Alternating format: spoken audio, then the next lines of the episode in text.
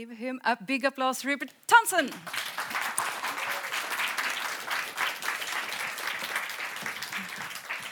Did you Thank see? you. That was my that was my TV style entrance. Absolutely, that's what I promised you, right?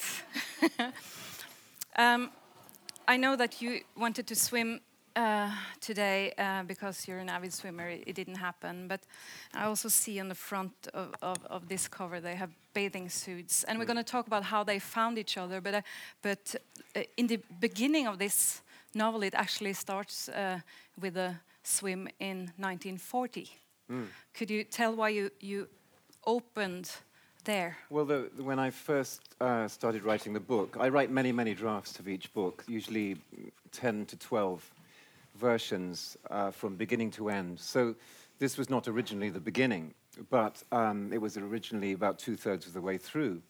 And the scene is really important because basically the two women have moved to an island.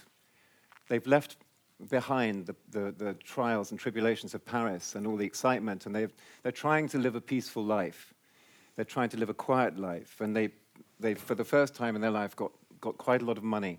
And they bought a house Jer- in Jersey on the beach, Jersey off the northwest coast of France, this is. They bought this house, this long, low granite house with a secret garden on the beach, and they could just climb through the garden and go and swim in the sea. Um, so, you know, they were expecting peace and quiet. And for two, to, for two years, they had this peace and quiet. And then, of course, war was declared, and um, the Nazis swept across Europe far more quickly than anyone expected. Um, and at the end of June 1940, they, they invaded Jersey. Except the first thing that happened was that the Nazis sent about half a dozen planes to bomb the island. They hadn't realized that all the, the British troops that had been there had been evacuated, so they were still seeing it as a hostile place. And I, have a, I, I wrote a scene which, which I, I, sort of pretty much made up, um, and we'll talk about how I research books maybe later, but um, I, I made up this scene where Claude is in the garden and as the plane, as a plane comes across the bay quite low, one of the German planes, because they're bombing the main town. And Suzanne, her lover, is in the sea having her evening swim. So she kind of feels the shuddering of the explosions that are happening a couple of miles away in the water. And there's, and there's a sound of the plane coming over. And, and she gets out of the water and she's actually shaking, not with cold, but with fear. And uh, goes up to the house, clicks into the garden. And there's Claude standing there, almost like a little, like a general, you know, looking at the planes. And she says, I have this feeling of elation. And, you know, Suzanne says, What do you mean? And, and Claude says, Well, I think we're going to be tested. And Suzanne's response is, Well, haven't we been tested enough in our lives? And, you know, this is a crucial moment because, because the, the roles are reversed. Claude seems like a strong person in this scene. And, and Marcel Moore seems like the weaker of the two. Whereas, in fact, in their 40 year relationship, um, Marcel was the, the kind of rock, the stable point that held everything together. She kind of gave up her life to make Claude's life possible and to keep Claude alive. So, um, so I liked, the, and also Marcel Moore is the one who tells the story. She's the narrator of the entire book. So um, I like the idea of the reverse of the roles, showing the strong person ha- having a vulnerable side. And also, it's, it's, a really good image of how strong their love is and how dedicated they are to to to fight for what's what's their yeah, well, right. I, something something quite funny happened actually to do with this scene, which was that. Um, after I'd written about seven or eight drafts, and this was now the first scene of the book, I went to interview the man who, the only man who's so far written a, a really pretty exhaustive biography of Claude Cahun. He's called Francois Leperlier. He lives in Normandy. Um, he's actually single handedly responsible for the discovery, the rediscovery of Claude Cahun as a photographer and as an artist. And so I, I, I, you might think I left this rather late, having written seven or eight drafts, to go and see the expert on this woman. But that's just the way I work. And I, went there. Is that to, to make it more alive? Like, uh, uh, I, I like will to, the facts like make you to no, I like to write the first couple of drafts without really knowing too much about the subject because I'm trying to, I'm trying to, um, I'm trying to uncover the kind of psychological truth of the relationship.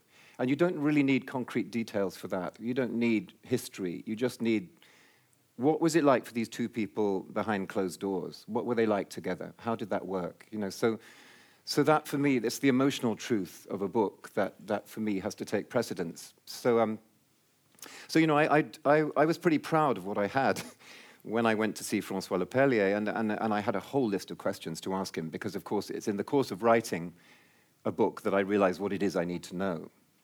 Um, so I compiled a huge list of questions. But on the first night, we had just had a drink together, and and uh, and I, I, for some reason, I I started describing the opening scene of the book that I've just been describing to you. And as I was as I was talking, he just began to shake his head like that, you know. And I finished, and he went, "Non, impossible." and I went, "Why? Why is it?" You know, and he said, and he, he like reached behind him and pulled a, a book out of the shelf, and he flipped through the pages, and he just, and, and apparently Claude had actually described this very scene herself. I didn't even know that. I mean, it was something that I hadn't come across. Um, and you know, the fact is that Claude, in writing the scene, had not. She talked about she talked about wearing a white bathing suit she talked about watering the plants. She talked about the plane coming over so close that she could see the pilot's face in the cockpit. Um, but she did not mention the fact that Suzanne was having a swim at the time. And I said, Well, Francois, I mean, you know, it doesn't say that she wasn't in the sea. It simply doesn't mention anything about Suzanne, you know, and Claude was very, very self obsessed anyway in everything that she wrote. So so, um, you know, it's this argument between, between the fiction writer and the academic, if you like, you know, which was actually never going to work. You know, we just disagreed with each other about that. I did put the white bathing suit in. I mean, I put her in a white bathing suit, and I thought well, actually watering the flowers is great as, as the plane comes over because she was just standing there mm. in the previous scene. But that's the way in which, um, you know, the research can, um, it can throw up some really extraordinary things um, can I mention one more thing? That, that was great was, was that at, at the end of the war, after the two women had been uh, sentenced to death and got away with it, um, they were interviewed by the Jersey Evening Post. And it, was a big article on the front page of the paper, and it said, Sentenced to death by island Nazis. And then underneath, the story of two brave French women. And then there was a whole two thirds of a page about them being interviewed about their time during the war. But in, in the middle, I don't know whether you, you remember in newspapers, there used to be little adverts in the middle of the text in old fashioned newspapers. Um, and in the middle of their article, there was a little one that said, non stop relief from piles. Do you know what piles are? Hemorrhoids. Oh. and I just thought, this is like a piece of gold, you know, because it's so perfectly juxtaposed with the, the description of their bravery. Um, and so I have, you know, I have um, in the book, Marcel goes out to buy the newspaper and she brings it back and says, Look, here's the interview. And Claude, Claude's looking at it and she starts laughing. And Suzanne says, What, what are you laughing about? And Claude says, Well, didn't you notice this, this advert in the middle? And she kind of said, it certainly puts our resistance activities into perspective. We're going to talk more about the war, but I think we have to start with the beginning how Lucy and Suzanne met. And, mm. and they, they met only 14 years old. It was, was it in 1909? 1909. Yeah, and it took yeah. a few years, and then they had their first kiss, and they became a couple, which at the time was a quite impossible concept, right? Mm. I mean, uh, a love between women was unthinkable at that time. I mean, especially in the provinces. You know, I mean, maybe in Paris it was okay, but these two women came from really quite respectable bourgeois families, and, uh, and, and they really did have, apparently, I mean, Claude described it later in her life, they had a kind of thunderclap moment. That's what she called it, um, where Claude was uh, 14 and a half, and I think Suzanne was nearly 17 and they kind of looked at each other, and it was this moment that changed their lives.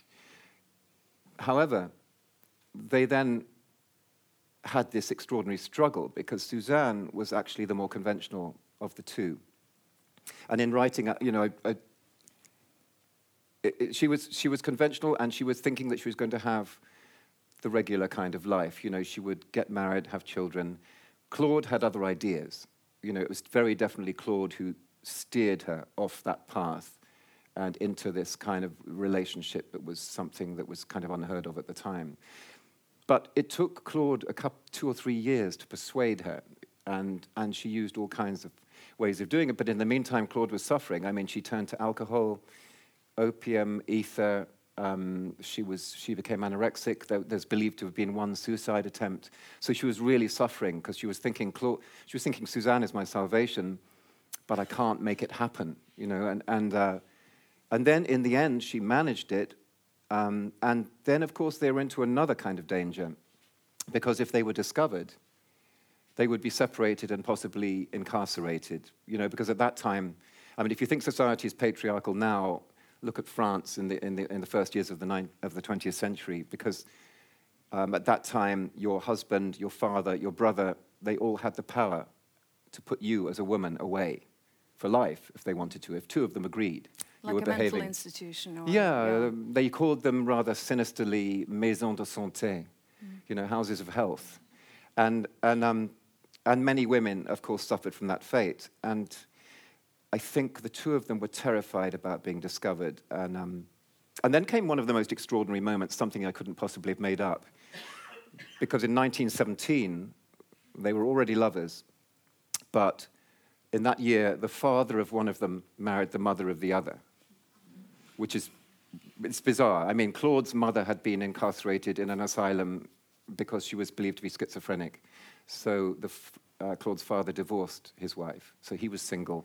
Um, Marcel Moore's uh, father had died suddenly of a heart attack, so her mother was single, and the families knew each other, and the two, the two parents got married. So, so, they were, so these two young women were, were lovers first, then they became sisters which was, of course, the perfect cover, you know, because, because that at last gave them the excuse to be together.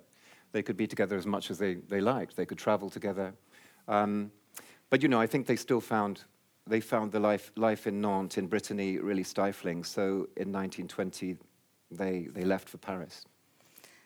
You, you, you choose to, to um, tell this story through Suzanne or, or later Marcel, which is the name Mm. she takes. But, but um, uh, why did you do that and how were their personalities different? You mentioned a bit about it. But Yeah, I, I, it, was a, it was a very early decision because um, I, I didn't want to tell the book in a, th- in a kind of third person because I didn't want it to be like a kind of biography of the two women. As I said earlier on, you know, I wanted to kind of get at some kind of emotional truth. Therefore, I had to write as one of them, I felt. I couldn't write as Claude because, well, my first thought was it's going to be like The Great Gatsby. You know, I'm going to write as the less interesting of the two women, the ordinary one, the more, the basic one. And on paper, that's what it looked like, because Claude was, Claude was brilliant and unstable and um, all over the place, really. And Marcel seemed to be quite capable and solid. So I thought, if I write as her, it's like being in love with an impossible person. It's like being an ordinary person in love with someone who's ex- extraordinary. And that's going to be a really interesting exercise. Um, and I couldn't write as Claude because Claude was already a writer. I mean, we'll In get onto the photographs later. And Claude began as a journalist, really, really young. Her father was a newspaper editor, biggest newspaper in Western France. So she had an in to journalism, and she started, she started writing articles very young, like 15, 16, and quite subversive articles, actually, because she would, she would write as a man. So she would pretend to be a man, and she would address the female readers, saying, I think it's time you started wearing my clothes you know, and, and taking my job. You know, she was actually kind of subversive as a teenager. Um, and she went on to, to write in a kind of very symbolist. In fact, one of my favorite books of hers is called Heroines, 1925, it came out. Um, and it's 15 monologues um, by women, famous women from mythology, from the Bible, from uh, fairy tales and they're really sub- they're- subverting the whole idea of, of, of men's power. So they, they, in every story, she gives women the power and she gives women the choice. And I mean, one example is uh, Penelope. You know, she takes Penelope. So there's Penelope waiting for the husband to come home, you know, who's been away for years. And there's all these suitors in the palace. And she's supposed to choose one of them as a lover, or they're trying to get chosen. You know, one of them wants to be chosen as a, as a lover until the husband comes back. And Penelope says, they want me to choose just one of them. What a bore. You know, she's thinking she can have a few lovers. why not? Why, why just one? And, the, and my favorite one is Beauty and the Beast. She retells Beauty and the Beast. And the, the story is exactly the same. So Beauty falls in love with the Beast. And then, of course, the Beast turns into a handsome prince. And at that point, Beauty rejects him, not interested in the handsome prince. She says, Once you have tasted the Beast, once, you have ta- once you have tasted the Beast, ah, how insipid is man. So, you know, this is the kind of this is the kind of person she is. But she, she does see herself as a writer. And so, you know, for all those reasons, um, I thought I'm going to write as Marcel. And also, thirdly, Marcel lived for 18 years beyond uh, Claude. So it, it, it, gave me the, um, the conceit of being able to look back on the relationship, you know, in her old age. I could imagine that she, she wrote that book after Claude's death. And um, you know, when, her, when the very thing that had given her life meaning had gone and she had nothing left. Interestingly, um, Marcel Suzanne took photographs after Claude's death. You know, previously Claude had been in every single one of them. Afterwards, she goes on taking photographs, but they're, they're photographs without a subject. They're just landscapes. They're kind of empty. They're really poignant. I mean, they're not good photographs, but they're poignant because you know what came before. Mm. Um, I feel that this book is a lot about uh, identity, and, and how did Claude think about identity? Um, you write a bit. She, it was almost certainly Claude who uh, decided that the, the, two women should both change their names, and they did this while they were still in the provinces. So, um, you know, they became Claude Cahun and Marcel Moore, and as you probably noticed, those are kind of gender non-specific names. Something quite extraordinary to have done at the time. But I think Claude believed from very early on that she, she believed that gender was something that you, you create for yourself. Identity is something you create for yourself. You don't, you're not given it by your family, you're not given it by society, you make it. And uh, in, this, in this, she's incredibly modern. I mean, she's anticipating people like Judith Butler, you know, the philosopher of gender in, in Berkeley University in California, who says you know, who wrote famously, Gender is performative. Gender is something that everyone enacts and performs. And, you know, Claude was doing this way back. Um, she, she, she famously said, in fact, I was going to, shall I read that tiny bit? Because they, there's, a, there's a small, uh, this is just a page. I can find it. Um, this is, this is, uh, this is Claude and Marcel um, in Jersey, where they, they used to go on, before they moved there in 19, uh, 1937, 38. They, the reason why they knew about it was because they used to go on holiday every year to the same place um, together once they were sisters. One afternoon, we caught the bus to Bonne Nuit in the north of the island and set out along the coastal path. When we reached Sorel, we rested in the long grass close to the cliff edge. The island of Sark lay to the northwest, a long, low slab of darkest blue, its outline blurred in the heat haze and seeming to hover just above the sea. It looked like a lost kingdom, half there, half not. During the walk, Claude had been talking about how she saw our relationship, and as we lay side by side beneath a cloudless sky, she took up where she'd left off. I don't think of us as lesbians, she said. We're just people people who happen to love each other. We're women who happen to love each other, I said. Gender's irrelevant. I'd love you whatever you were man, woman, hermaphrodite. She smiled. What's gender anyway? She went on after a moment. It's just a matter of organs and cycles and what do you call them? Hormones. I refuse to allow myself to be defined by a few biological characteristics. When I stand in a room by myself, I'm not standing there as a woman. I'm a consciousness, an intelligence. Everything else is secondary. When Claude was in full flow, it was hard to disagree with her. Masculine, feminine, she said, I can do all that. But neuter, that's where I feel most comfortable. I'm not going to be typecast or put in a box. Not ever. I'm always going to have a choice. So the interesting the really interesting thing about that is that um, Claude is the last quote, the last uh, when she says masculine, feminine. That's something she actually did write, um, which I incorporated. And the interesting thing about it is that. You know, we tend to think of neuter or neutral as a, as a, a weak position. It's kind of indeterminate and it's neither one thing nor the other. She saw it as the opposite. She saw it as a position of strength because you are right in the middle and you can choose. You can choose from male or female in whatever quantity or, or whatever you want. You know, you can make yourself up out of that. So um, again, in this, she was, she was so far ahead of her time. I mean, in a sense, she's saying the very kind of things that my 19-year-old daughter says now. Mm. Um, 100 years she'd fit ago. right in, 100 years ago. Yeah. And, and what did you have like a personal interest in in uh, the topic of gender identity from before, or is Um, uh, that's quite a personal question, I suppose. I mean, I, I've always felt a bit like, um, to put it another way, as a writer, you know, you're drawn to ideas. You're, you're drawn to an idea and you don't always know why you're drawn to that particular idea. But I've learned to really trust my instinct. It's as if there's a part of me that knows what I'm going to discover in this idea. But the idea itself at the beginning is pretty vague. So, you know, all I had, all I had at the beginning was one photograph. You know, that's what attracted. Actually, it was it's this photograph. Here's Claude, kind of one of the most one of the most extreme pictures of her. Um, that would be extreme even today with her bald head and your Yeah. shaved shaved eyebrows. I mean, I, I saw this in a magazine in, in uh, 2006. And, um, well, my first thought was, who's that? Who on earth is that?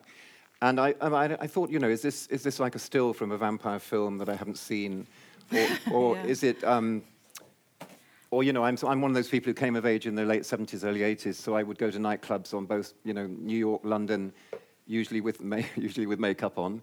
And, uh, and I thought, is it a still from, you know, is it a nightclub picture? And, and then I sort of investigated, and it, and, it, and it had been taken in 1928. And I thought, wow, that's amazing. You know, it's even, this shaved head, it's even preceding collaborators in the Second World War. And um, so, you know, that's where I started to explore. But the, the whole thing about, I didn't know what I was going to discover. You know, I didn't know that I was going to, I was walking into a story that was about gender fluidity and about um, identity be, being something you can create for yourself. But I always have known about me that, that I've always believed that um, just the idea of male and female, or even heterosexual and homosexual, it's kind of limiting. It's, it's kind of too black and white. And I, I've always thought there was a kind of sliding scale. And in that sense, you know, I, you look at me and I, I, I appear to be a man. But there's a sense in which I'm much, much closer to lots of women than I, than I am to lots of men. You know, I think I, I told someone a story today about um, going up. My, my wife comes from the north of England, near Liverpool. And uh, so, so I go up there quite a lot. And her brother is a stockbroker in Liverpool, but he's a typical northern man. So it's beer and football and, you know, horse racing and, and really no emotional talk of any kind is allowed. You know, um, no emotions can ever be investigated. And uh, so when I go up there and I spend time with him, I have to sort of pretend to be that kind of man. And I'm not very good at it. You know, I go into, I go into a pub and I don't get served, and it's kind of embarrassing. You know, whereas he always knows he, he gets served immediately because he knows exactly how to do it. And I feel like it's a skill I've got to learn. There's a part of maleness that I, I'm not in, that I'm not familiar with. You know, so the more I got into the writing of this book, the more I thought, God, I'm just what everything she's saying makes sense to me.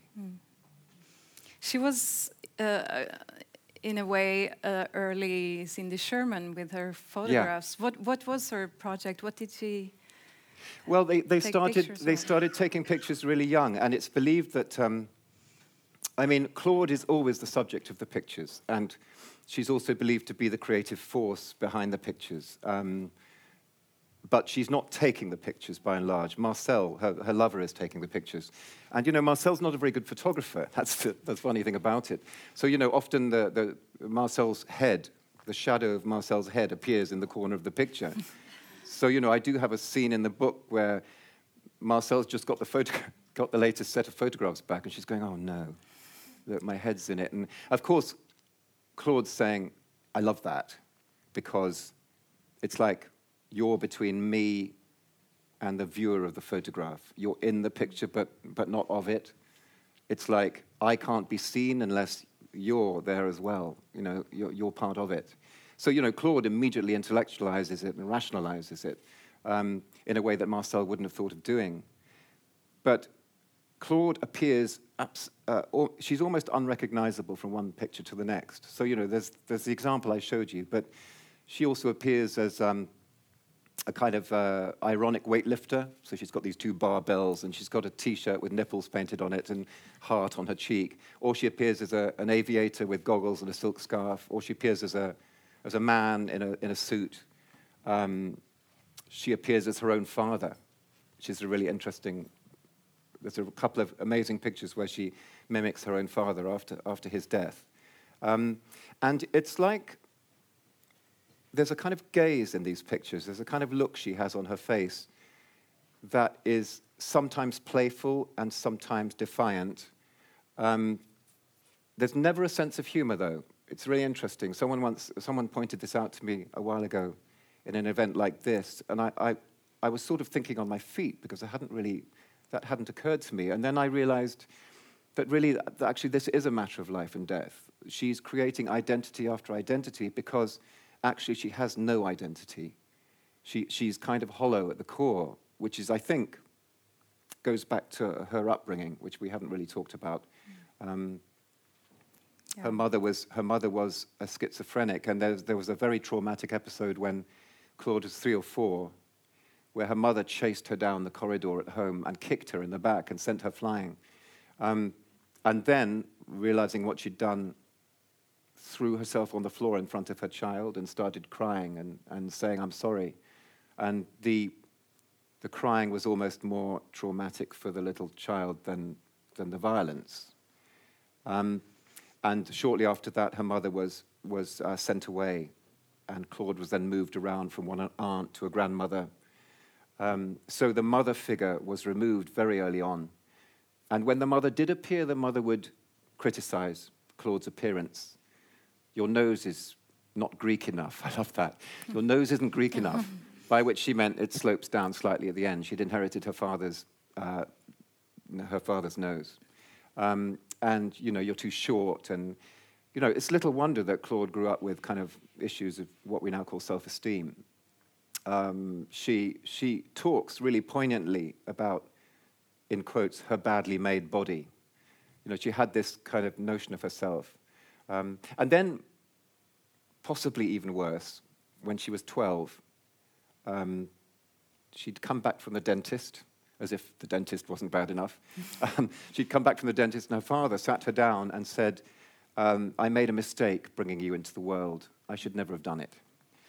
Um, what he meant by that was he was worried that his daughter was going to inherit the madness of, uh, of his wife. You know, he, he, he felt that she was he, could, he felt he could see it already. Mm. So, so she's, you know, she's, there's this amazing sentence she wrote later in her life. She's, if I can remember it, she said, um, having known myself undesirable and preferred stillborn since the first light of consciousness, I was able to leave the path that was set out for me. I mean, those words, having known myself undesirable and preferred stillborn, it's like, it, it breaks your heart. Mm. And, you know, little wonder if she was kind of scarred psychologically and, and felt that she wasn't anything that hung together.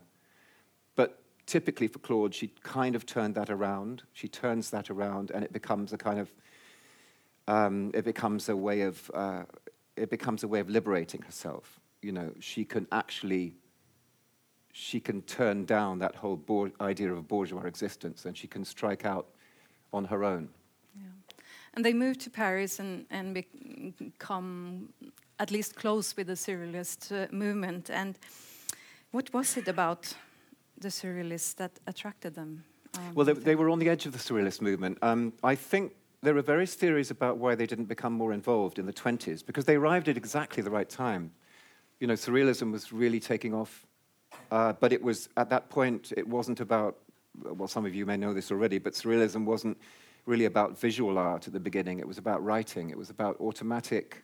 It was about um, Andre Breton would use a couple of French poets, René Crevel and Robert Desnos, and these, one of these two would go into a kind of trance-like state and either speak automatically or write automatically, and, and they called it psychic automatism.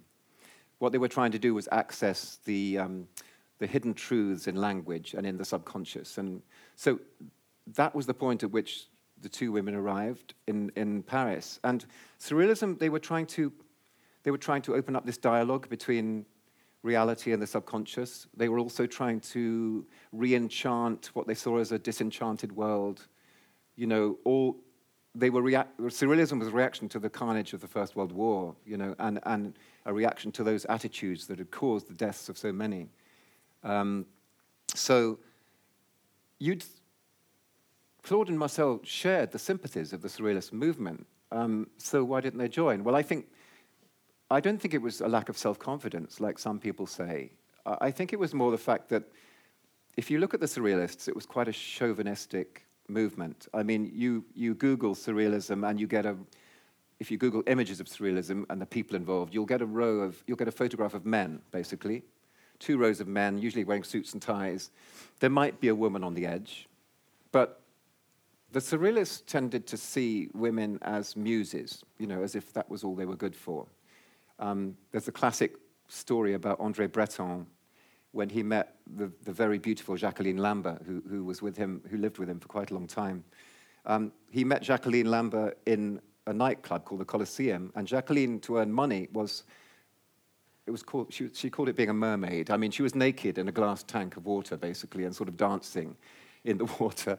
And you know, Andre Breton was fascinated by this. Um, and but then when he met her, he he realized that actually she was an artist. This was just something she did to earn money. But he wasn't interested in her being an artist. He was interested in the mermaid. The mermaid. so he'd rather she just did that. and and uh, also, also, actually, with the surrealists, there was the homophobia in a sense as well, because Andre Breton famously wrote an essay in this collection called Studies on Sexuality in 1928, where he talked about um, homosexuality being a moral deficiency and defect, while at the same time being quite titillated by the idea of lesbians, you know, two women together. He thought that was quite exciting. So, you know, none of that would have gone down very well with my two women. Um, so I think they, you know, they, they just didn't feel, they felt sympathy with the, with the, um, in an abstract way, but I don't think they could deal with the people. And also, perhaps in the end, they were, they were just simply too private. Mm-hmm. They were too particular. They were their own people. So they only became involved with Andre Breton in the, in the, in the early 30s, and that was much more in a kind of political sense. Mm. I was thinking that at least the, the, move, the surrealist movement allowed them to be looking different and, and being a bit different. Yeah, but you know, they, they still, you know, they still shocked people. I mean, Claude would, um, she wasn't only uh, unrecognizable in her photographs, she was actually unrecognizable in real life. Often when people met her for the second time, they didn't know, know it was, was her yeah. because, because she would have shaved her head, or she painted it gold, or she painted it pink, mm-hmm. or she wore a monocle and men's clothes. You know, she, she, Andre Breton apparently found her so disturbing physically that he would walk out of cafes if she walked in. Oh. I mean, that, that, so, you know, you might yeah. think, you might think Paris, people in Paris would be cool with that kind of mm. thing, but, but she was a bit too much even for Paris. Okay. Um, the title of this session was The Art That Changes Life. And um, is there any way you think art helped Claude and Marcel being different or changed their lives? Oh, it's, it's a really tricky question because I think they it's, it's different for both of them as well. I mean, I think Claude could only live through art, um, but she kind of abandoned it later in her life. You know, she, she was the frustrated writer, really. She, she carried on writing, but she would, she, with no hope of publication. Whereas Marcel actually, we haven't mentioned this, but Marcel was the more famous of the two women when they moved to Paris in 1920. Marcel was this amazing draftswoman, brilliant brilliant drawings. She would illustrate fashion articles. She would draw all the leading actors of the day because, of course, there were, there were less photographs used in newspapers in those days. So uh, she, would, she drew all the famous actors. But she basically gave it all up in 1929. I think because Claude took preference. You know, she realized that in order to keep Claude alive, because Claude by then had, had attempted suicide again, um, in order to keep Claude alive, she just had to be on, on duty all the time. And, and um, really, the drawing wasn't that important to her. She could give it up. Mm. But um, curious thing, really, about the art is that it, in a way, it all came together in, in, in political activism. You know, if, you can, if we talk about the war, when the Nazis arrived in Jersey, it's as if their entire lives have been building up to that moment. You know, the, the shape shifting, the left wing politics, the um, kind of spirit of defiance, the creativity, it all came together. Could you describe what they did when, when, when they started the resistance? Well, they, they, I mean, they could have left, like a lot of people left. They, they decided not to. Um, and I think because they'd already been active in trying to fight against fascism and anti Semitism in, the, um, in the 30s in Paris. They felt this was the chance to really kind of do something because the enemy was suddenly right there in their face. You know, what most people don't know is that uh, so quite a lot of people were evacuated from Jersey, but 40,000 people were left, 40,000 local inhabitants. But there were 20,000 German troops on the island. So one German for every two local people. There were more Germans per square mile on Jersey than there were in Germany. It's, it was a bizarre fact. And, and um, so, so, they just, so they thought, right, here's the enemy. Here's the enemy right in front of us. We're going to do something. Sorry. No, no, no, no. Okay, continue. um, so, uh, so they started small, and, and um, they used to write little messages on cigarette packets that had been dropped by the Germans. They'd just write defeat or something, you know, little words. And then it just gradually grew, and they invented this whole persona. They called him uh, Der Soldat ohne Namen, the soldier without a name, the anonymous soldier. And every pamphlet and little piece of writing they produced had, was signed by Der Soldat ohne Namen which immediately gives the idea that it's a man and that it's possibly a German inside the occupying forces. So it already feels undermining. Then, when they, when they, then they had the extra idea of, like, uh, of, of saying der, der Soldat ohne Namen und sein Kameraden. So it's like, and suddenly it's his friends. So there's an entire network. Suddenly it sounds to the Nazis as if there's a network of resistance on the island. And, you know, so it built and built, and amazingly, they got away with it for four years. They used to disguise, this is a lovely irony, I think, you know, because we've already talked about how they wore, uh, you know, they wore extraordinary clothes and they, they dressed in these extraordinary ways. What they did in the, in the war when they were resisting the Nazis was they dressed up as ordinary people. I mean, they pretended to be ordinary. So they got all the ordinary clothes that the islanders wore, and they wore those when they were distributing the uh, material. Um, and when the Nazis actually arrested them, they couldn't believe that it was only two women, two, as it were, what they called old women at that time. They were actually only in their 50s. But um, it was kind of embarrassing for the Nazis, you know. So they, they almost, they wished there was a network suddenly. If only there was a network, because then at least we'd have an excuse. But actually, it was just two women. So there's a brilliant moment where Claude describes in the trial where um, Claude says, uh, they were forced to condemn us without believing in our existence. you know, it's like, it's, it's, it was embarrassing for the Nazis because they, in, in, in sentencing them, the two women to death, they were actually uh, admitting their own incompetence. Yeah. Uh, I don't think we should like say what happens in the end. No. but uh, we have time for maybe one final question, and um, it's like a bit pompous, but I, I'm, I think that this this um, You're going to be novel. pompous now. Yeah, yeah, yeah. I think. well, I think. I'm, I'm getting. I'm, I'm, looking forward to this. yeah, yeah, yeah. I think this uh, book um, can change people because they're so bold and so inspiring and no compromise and. Um, mm. Writing about them, did it change you in any way? Oh, I wanted to mention one. Well, you just reminded me of something changing people. I mean, one lovely thing happened last year where it's the kind of thing that makes writing a book like this worthwhile. Just one thing needs to happen like this. And I was in, of all places, um, Fairhope, Alabama.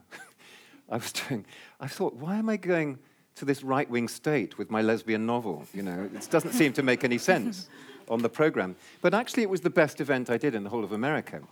I got the biggest audience, and in the front row, there were three young women. They were 19, 20, 21.